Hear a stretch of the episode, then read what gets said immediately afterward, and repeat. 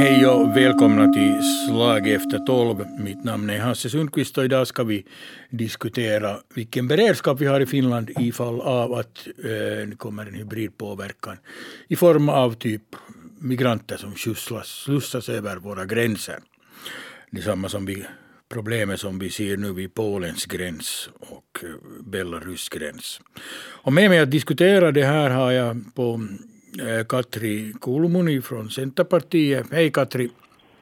Goddag. Och eh, Peter Östman från Kristdemokraterna. Hej på dig. Hej hej. Och Mikael Wigell, forskningsdirektör vid Utrikespolitiska institutet. Hör du oss? Ja, jag hör det. Bra. Vi har alltså Katri Kulmuni och eh, Mikael Wigell på distans och Peter sitter, Östman sitter här med mig i studion. Peter Östman, ni från oppositionen har ju lämnat in en interpellation om den här saken. Att vi borde skärpa vår beredskap i fall av hybridpåverkan. Kan du förklara lite närmare vad ni är ute efter? No, egentligen upprinnelsen till den här interpellationen så eh, det kom ju i samband med att vi i riksdagen på frågetimmen då för en dryg vecka sedan diskuterade den här frågan. Eh, oppositionen ställde berättigade frågor att vilken beredskap har vi om en likadan situation skulle uppstå vid vår östgräns som vi har fått se nu till exempel då i Belarus och, och vid Polens gräns. Eh, och vi fick egentligen inte något ordentligt svar. Vi höll på i en timme Eh, och det var ganska precisa frågor som ställdes. Eh, kommer i tankarna speciellt eh, erfarna utrikespolitiker Nilka Kanerva som hade väldigt kort och koncist ställde frågor. Att vilka luckor finns det i dagens lagstiftning och vilka planer har regeringen för att vidta åtgärder? Och det kom egentligen inte svar, utan man gick runt frågan. Närmast svar så var väl eh, justitieminister Henriksson som då eh, hänvisade till att beredskapslagen då ska uppdateras, eh, men att det kommer att ta tid och att det ska ske parlamentariskt. Och, och det svaret så nöjde sig inte oppositionen med för att vi tycker att man ska man ska gå, skrida till åtgärder medan det finns tid att om ett och ett halvt år så, så då kan det vara för sent. Då står vi inför en, krissituation. Katri Kulmuni, eh, från regeringens sida, mm, hur svarar du på, på Peter Östmans äh, krav? Jag ser det så där att, att interpellation är alltid en, en verktyg för opposition. Men i samband finns det liksom samma mål med regeringen och opposition. Jag tror att, att alla är väldigt, väldigt ledsen för situationen i, i Vitryssland och i Polen och i, inom EUs, EUs gräns. Och det är, det är sant att man har ju vissa problem inom lagstiftningen mellan EUs utrikesgräns och sen liksom nationella gräns och man har inte någon slags av... Det ser ut så att, att vår lagstiftning är inte beredd för sådana hybridoperationer. Men regeringen kommer inte att, inte att bytas efter det här interpellationen men jag ser det att det finns också så positiva erfarenheter inom det här interpellation fast jag, jag stöd regeringen, det är ju det är helt klart. Precis, eh, men då Peter Östman, om regeringen och oppositionen är överens, så varför lämna in en interpellation? No, som jag sa, upprinnelsen till den här interpellationen, så det, det kom till stånd efter den här debatten, då när inte oppositionen fick svar. Och då är ju interpellationen det ett sådant verktyg att man helt enkelt... Det som man inte får utrett på en timme, på en frågetimme, så måste man få utrett och förtydligande på ett, på ett annat sätt. Eh, jag tror nog att Kulmuni vet lika väl som jag att Eh, hennes parti har ju också varit i opposition och varit med i många interpellationer utan att man för den skull skulle ha varit övertygad om att regeringen kommer att falla. Men i alla fall så är interpellationen ett, ett, ett av de kraftigaste verktygen och oppositionen kom fram till det att det här, i, i det här skedet så ser vi det berättigat och eh, jag tycker ju på det sättet inte så äh, sammanfaller ju oppositionens krav på äh, snabbare förändringar i lagstiftningen äh, i samma linje som republikens president som gång efter annan har efterlyst uppdateringar av beredskapslagen. Enligt presidenten själv så har han till och med gått den här diskussionen med fyra regeringar och, och, och ganska nyligen också tagit upp frågan öppet i median i flera intervjuer. Vi ska plocka in eh, Mikael Wigell här, forskningsdirektör vid Utrikespolitiska institutet. Mikael Wigell, vad anser du att eh, är behovet av att beredskapslagen fixas? No, det finns säkert eh, vissa skäl till att se över den och, och, och, när det gäller vår, kanske när det gäller den här frågan om interpellationen så tänker jag mig att jag förstår mycket bra oppositionens bekymmer här, här att man är bekymrad över situationen och så vidare, vad vi, vad vi ser i, i Vitryssland och där vid Vitryssland och Polens gräns är ju, är ju ganska förfärligt. Men, det där, eh, men eh, sen när det gäller gränslagstiftningen och beredskapslagstiftningen så vissa delar av det har ju att göra med vår nationella säkerhet och det kan man kanske inte äh, är helt ändamålsenligt att, att, att äh, helt tala helt öppet om det om vi talar om luckor i vår, i vår beredskap här så är det, så är det kanske inte helt ändamålsenligt att tala alldeles i öppna, öppna lag om, om de luckorna just för det ger sen kanske verktyg till, till de som försöker utnyttja dem. Men, att, men vad gäller vår beredskapslag tycker jag vi är, vi är ganska väl, väl, väl förberedda och, och, vi har gått igenom väldigt många olika scenarier och vi vet ju från 2015-2016 situationen när det försökte slussas över migranter till, till Finland från ryskt håll så vet vi att det här är ett verktyg, ett, ett, en, en slags hybridpåverkan som kan, kan användas och kan användas ganska effektivt och, och, och, och det där inte har vi helt varit sysslolösa sedan dess. Uh, men det kommer ju sen till att vi har förstås en väldigt, väldigt lång gräns med Ryssland, 1300 kilometer, så att, så att, och den borde ju bevakas väldigt väldigt eh, noggrant för, för sådana här situationer och det är inte alldeles lätt förstås när man har en så lång gräns. Nej, precis. Peter Estman, du hade en replik där. Eh, ja, jag reagerar bara på det att Vigel tycks ha en helt annan eh, tanke då än eh, republikens president som, som verkligen är oroad och har lyft fram det vid flertalen tillfällen både på hemmaplan och i internationella sammanhang. Eh, dels är presidenten oroad över det som också Kulmuni lyfte fram att, att det finns brister i EUs lagstiftning och hur man ska tolka det vid de yttre gränserna och sedan så har vi då de, de, den nationella lagstiftningen. Men i, sist och slutligen så är det på det sättet att i en, en riktigt krissituation så är det ju varje land som enskilt då ska svara för landets nationella säkerhet. Och, och, och det finns tydligen både luckor i, i beredskapslagen. Eh, så vet vi att det finns det här problem med tolkningar med de här internationella lagarna som vi då, ja, vi måste följa dem, men samtidigt så, så krockar det då kanske med, med ett enskilt lands nationella säkerhet. Så nu finns det här frågor att dryfta och eh, som skulle kräva att regeringen vidtar snabba åtgärder. Att det var det egentligen som det parti som jag företräder vi var, var ute efter, att vi ville ha en tidplan, en tydlig tidplan. Och som inte, det är bra att man har parlamentariska arbetsgrupper, men min erfarenhet av sådana arbetsgrupper är det att det tar minst ett och ett halvt år tid förrän en parlamentarisk arbetsgrupp kommer fram till någon konsensusanda. Och därför så skulle det nog krävas att regeringen vidtar snabbare åtgärder. Katri Kulmuni, går det att skynda på det här?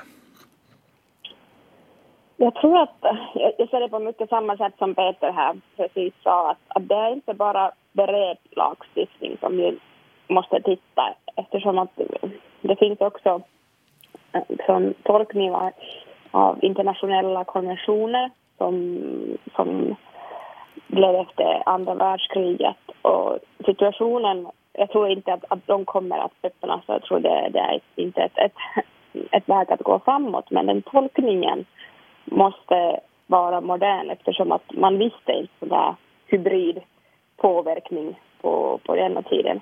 Och sen har man ju, man borde titta också genom grantlagstiftningen på nationella nivån och just den liksom EU, EU-konnexion eftersom att det blev faktiskt så att också, också utrikes och inrikesministrarna ministrarnas svar var lite, lite olika och det, det kanske bara sägs ut liksom att, att situationen är inte helt, helt klart.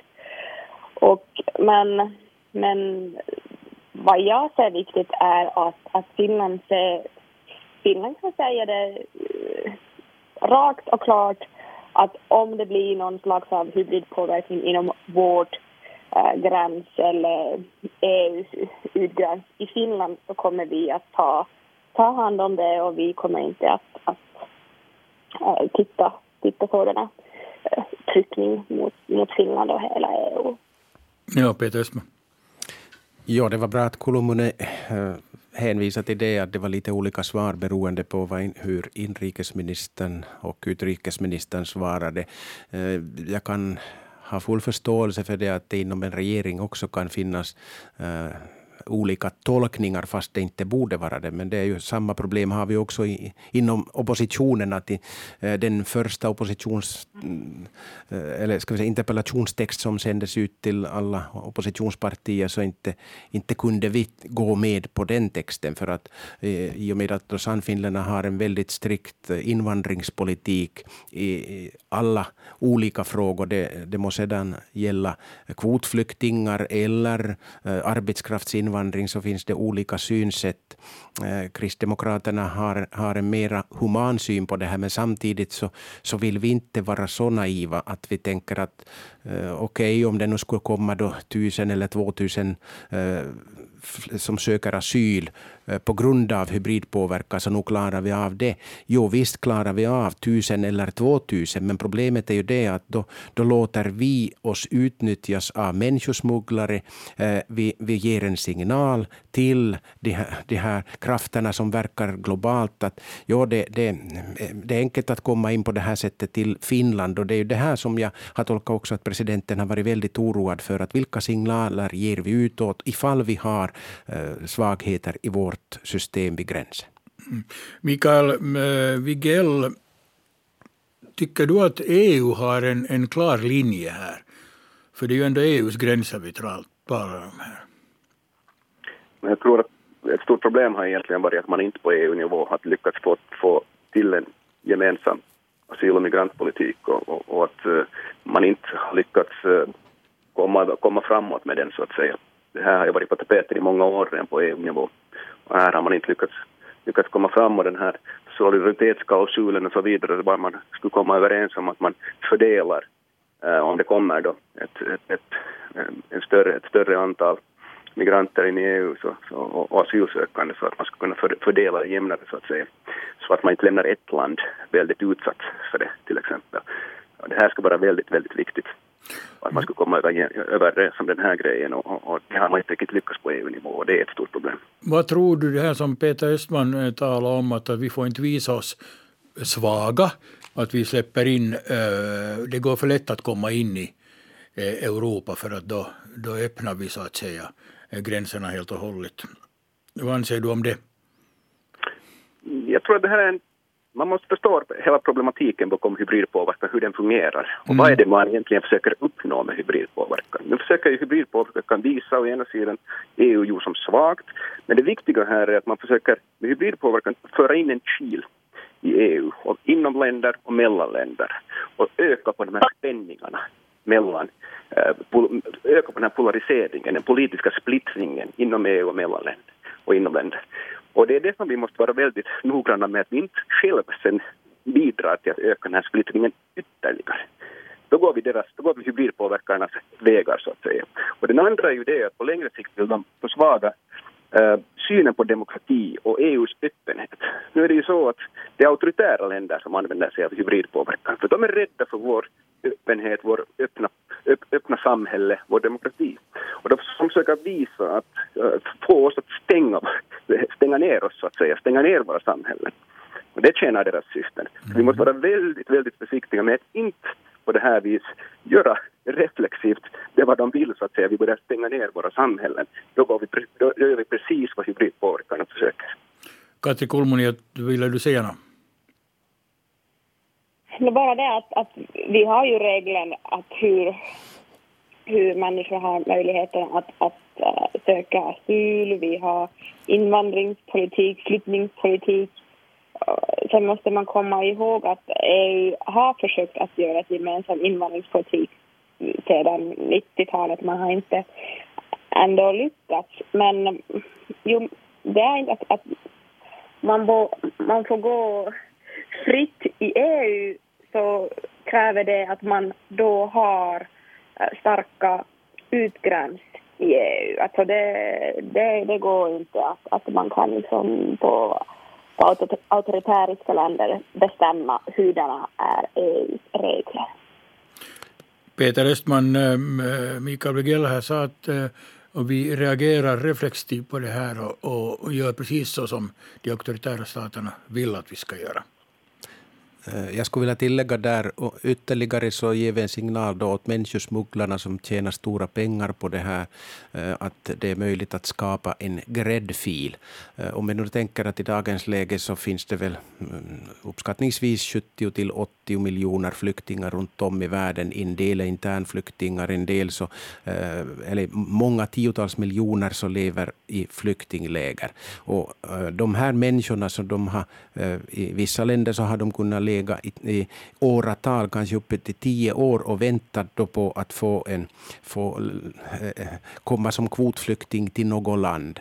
Eh, men om, om vi börjar liksom acceptera ett sånt här system där vi ger efter för hybridpåverkan, vi ger efter för människosmugglarna och vi ger en möjlighet att de eh, asylsökande då som har pengar att betala en, en extra avgift till människosmugglarna, eh, då, då skapar vi ju en, en, som jag kallar det, en gräddfil så det går om alla de här övriga människorna som har legat och väntat i åratal på, på att få en, en eh, hemstad eller ett, ett hemland att börja om sitt liv på. Så det, det blir väldigt orättvist. Det blir, marknadskrafterna börjar också styra asylpolitiken om, om vi är för eh, släpphänta här.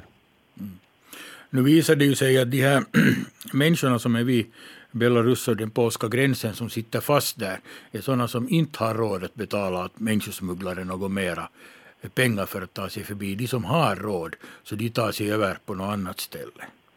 Så det här är ju, det är ju människor vi pratar om här som är i nöd.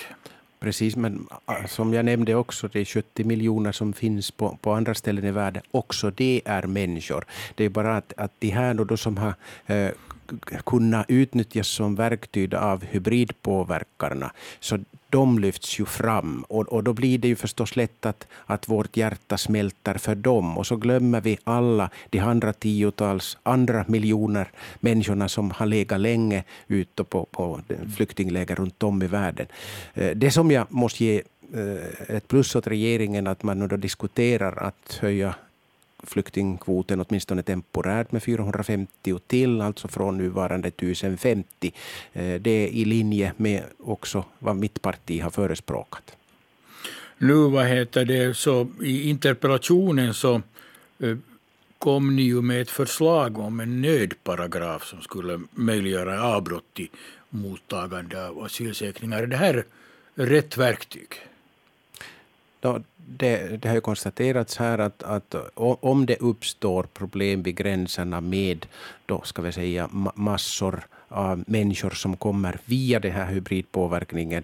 Eh, så har, vi har problem i lagstiftningen, vi har problem med de här internationella lagarna som vi egentligen måste följa, som, som eh, säger att egentligen så en flykting eller en asylsökande genast när man kommer till en gränskontroll och eh, lämnar in en ansökan om asyl, så är de myndigheterna, de finländska myndigheterna är tvungna att följa den internationella lagstiftningen och eh, möjliggöra att den här personen då får eh, befinna sig till exempel i Finland tills hans ärende eller dennes ärende har behandlats. Och det kan ju ta åratal, vilket betyder att det blir ett stort tryck då igen på migrationsmyndigheterna som redan sedan tidigare är belastade och som inte ens har möjlighet att, att sköta om sådana människor som vi läste nyligen i medierna om att som hade varit 13 år i Finland och de skulle vara tvungna att resa, resa bort härifrån. Och jag har ett annat färskt fall som jag håller på att jobba med, ett,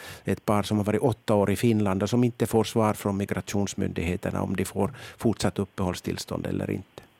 Katri Kulmuni, vad tycker du om att man avbryter eh, asylrätt? Först, först vill jag säga att, att eh, från liksom, mänskliga sidan är det alltid tragedi när man har folk inom i skogen på gränsen och hur Vitryssland har inbjudit folk. Så det är, det är tragedi, det måste man, man säga. Men sen måste man komma ihåg att, att eh, Vitryssland har också inbjudit folk dit och beställt flygorna dit. Att, att um, våra invandrings och asylsystemen, det, det funkar inte så här att, att man kan ha någon, någon slags av linje för auktoritariska länder att pressa EU. Men sen i Finlands position måste man alltid komma ihåg att, att traditionellt har man haft miljoner av människor som har varit olegalt i Ryssland. Och fortfarande tror jag att det finns fast de har försökt att registrera dem också. Så att om någon dag Ryssland skulle bestämma att nej, nu, nu försöker vi inte ens att, att eh, samarbeta med EU. Så hur skulle Finland reagera om det borde hända inom våra, våra gränser? Det är, det är helt klart och man måste vara tydlig med det att, att då borde Finland säkert stänga sina gräns i östliga, östliga sidan av landet eftersom att uh, vad vår konstitution är med är att vi måste alltid ta hand om den nationella säkerheten. Och alla kan ju, alla kan ju tänka att hur, hur kunde det påverka om tiotusentals eller några hundratals uh, invandrare som har varit i Ryssland länge borde vara i, i våra gränser. Så hur borde vi reagera? Och det är, man, man liksom mixar invandringspolitik, asylsökning och flyttningspolitik med det här men den, den viktigaste sak är att det är nu eh, auktoritära auktoritäriska nationer som gör hybrid påverkan mot EU. Och det är det varför vår lagstiftning måste vara modernt. Precis, vad tycker vi, är, du? Helt, vi är helt överens, Kulmoni och jag här, så att det är ingen skillnad på regering eller opposition jag ska, härvidlag. Jag ska fråga Mikael Wigell vad han tycker om att man ska pausa asylrätten. Ja, det är ju en jättesvår fråga. Den här flyktingkonventionen, är Genèves flyktingkonvention är ju, är ju ganska gammal redan och, och, det där och, och, och, det är från en tid när man kanske inte hade den här problematiken på bordet så att säga. Det, det användes inte det här vapnet då vid den tiden så man kunde kanske inte riktigt ta det i beaktande och det skulle ju vara bra om man kunde ta det i beaktande för i exceptionella situationer som det här att man kan, att man kan göra någonting åt saken men jag tror inte att man, man kan riva upp Genèves flyktingkonvention. Jag tror inte det leder någon vart. Det finns inte realism i att, att omförhandla den tror jag i det här läget heller. Så att där, man måste nog försöka med andra, andra medel få, få till det så att säga. Det ena är som sagt den här EU, EU-nivån EU när man måste komma överens om en gemensam Alltså, asyl och migrantpolitik och, och det andra är att redan inom ramen för existerande konventioner så går det nog att, att göra, äh, att ta till, till, en, till en del exceptionella medel också ifall det visar sig att det är på grund av liksom en hybridpåverkan. Så att, äh, så att äh, visst kan man, med,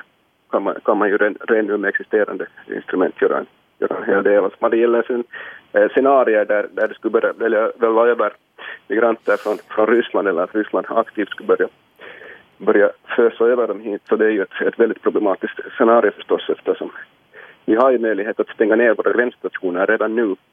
Eh, det har ju Finland, men eftersom, eftersom vi har en lång gräns så finns det ju inte heller några garantier av att, av att man bara ska använda sig av gränsstationerna så att säga, men det kan ju inte börja komma folk över gränsen ändå och då måste man ju ta till andra metoder för att kontrollera och patrullera gränsen så att säga. Så att, att det är ju också en, en grej som, som spelar in. Vi, vi eh, små, skrattade eller smålog ju åt, åt um, president Donald Trump då han skulle bygga en mur mot Mexiko. Nu håller vi i Europa på att bygga taggtrådsstängsel vid våra gränser. Men som sagt, som eh, Mikael Wigel sa, så har vi ju en jättelång gräns eh, mot Ryssland och vi kan ju knappast bygga en mur eller dra taggtråd längs hela den gränsen. Det är lätt att nonchalera allt sådant som sker väldigt långt från oss.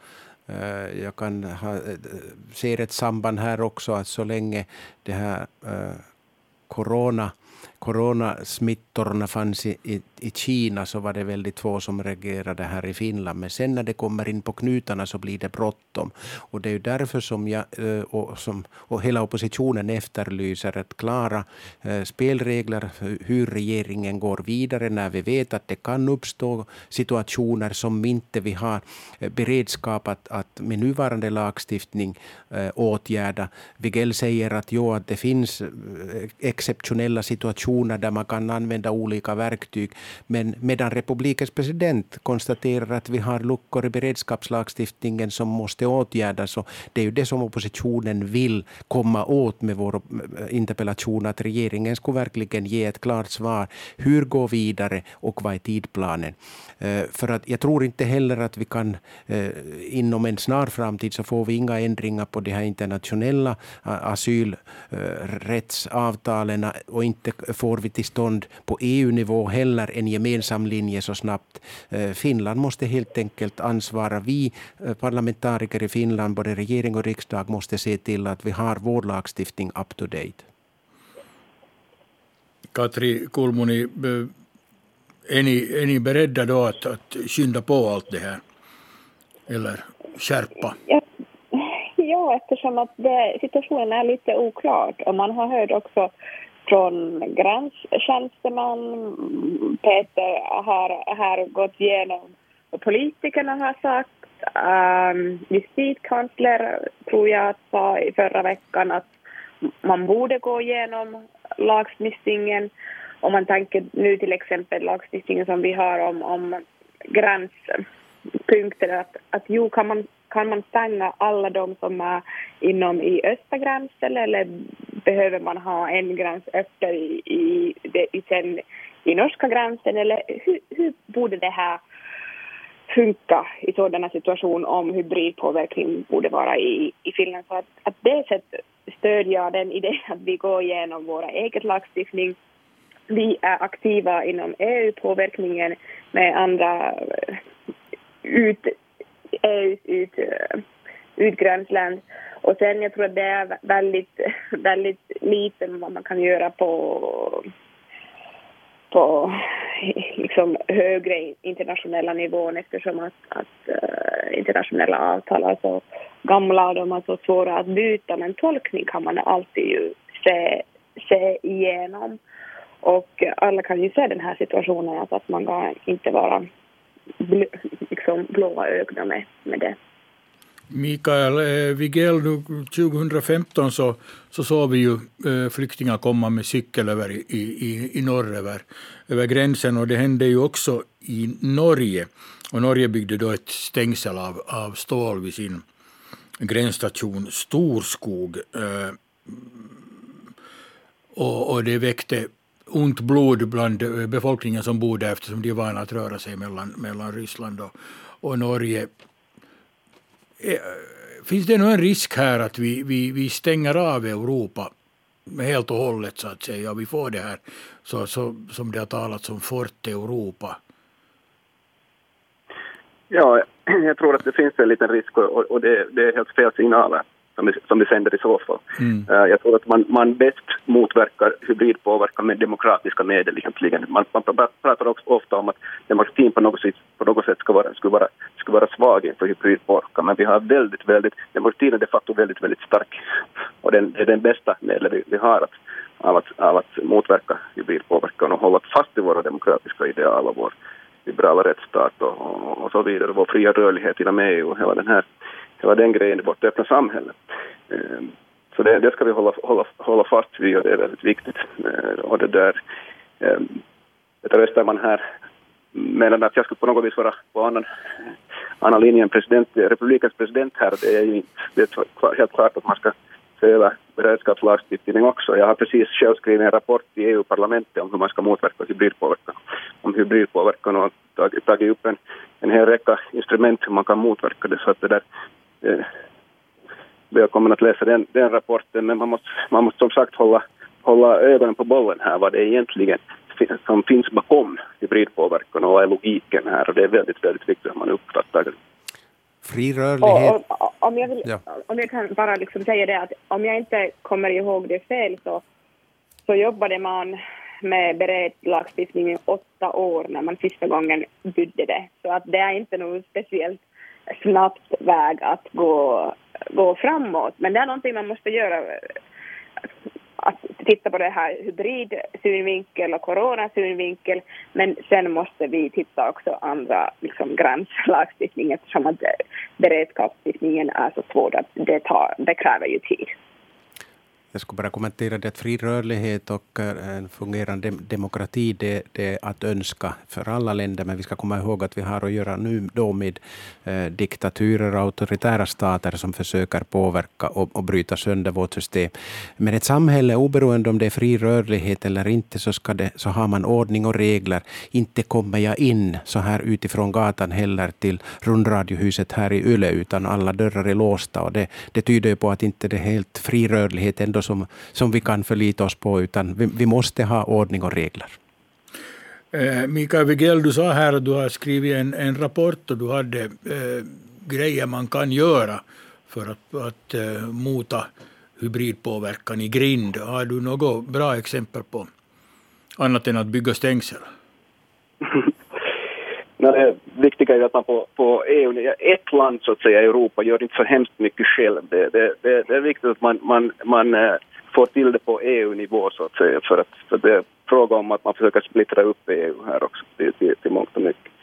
Det är viktigt att, att, att de här grejerna ska göras på EU-nivå väldigt mycket och, och, och, och, och Finland ska kanske, eller enskilda medlemsländer, eh, det är viktigt att man inte, man inte gör det här okoordinerat så att säga med andra, andra medlemsländer. Det är, är en grej, men att det där, sen har vi kanske inte tid att gå igenom hela, hela räcken av instrument som man kan ta till här, men att det där men jag håller också fullständigt med Peter Österman här alltså att det är klart att man måste ha sina yttre gränser i skick och, och, och här finns det också äh, grejer man måste göra på EU-nivå. Man måste förstärka, förstärka EUs äh, eh, gemensamma gränsbevakningsväsen och, och, och, och, och sen måste man ju kanske också sedan på medlemslandsnivå så måste man ta till, det finns ju elektroniska verktyg till att, till att kontrollera gränsen också. Det, det är kanske skäl att, att se över dem i, i, i Finland och, och det är skäl att, eh, att, att, att se över en, en, en, en hel del grejer.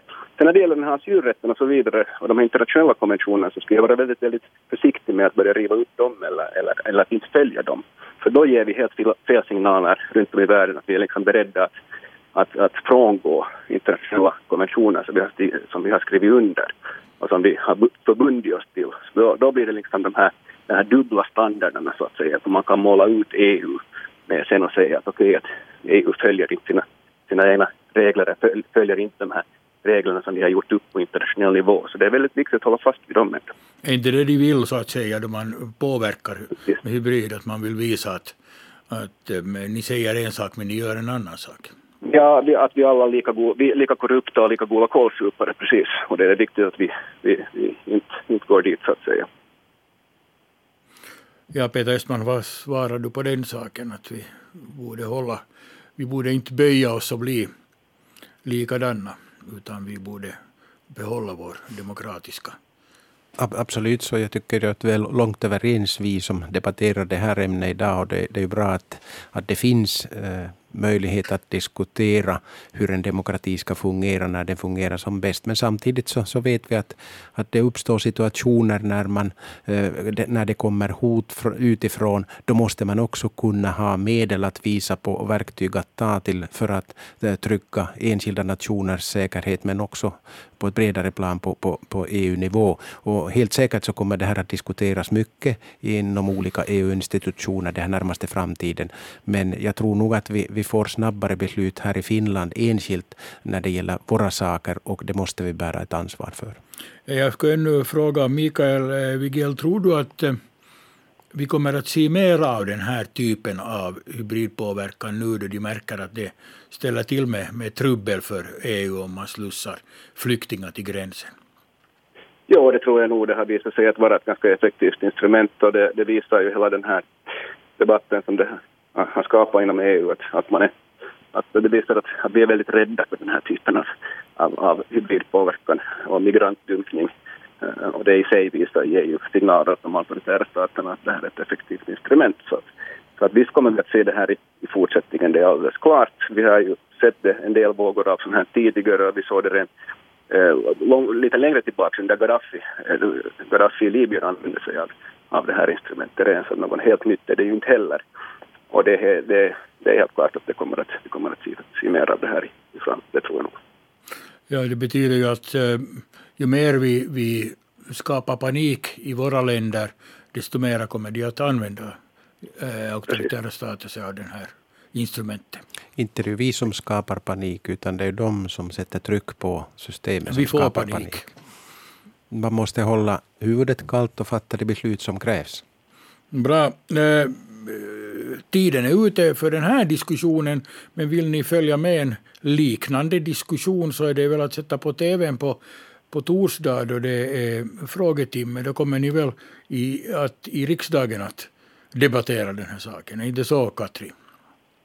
Ja, jag tror att det är, eller är det onsdag måste man ju titta, titta schema, men det kommer att fortsätta debatten. Interpellationsdebatten kommer då, så då kan ni, ni, ni följa med den.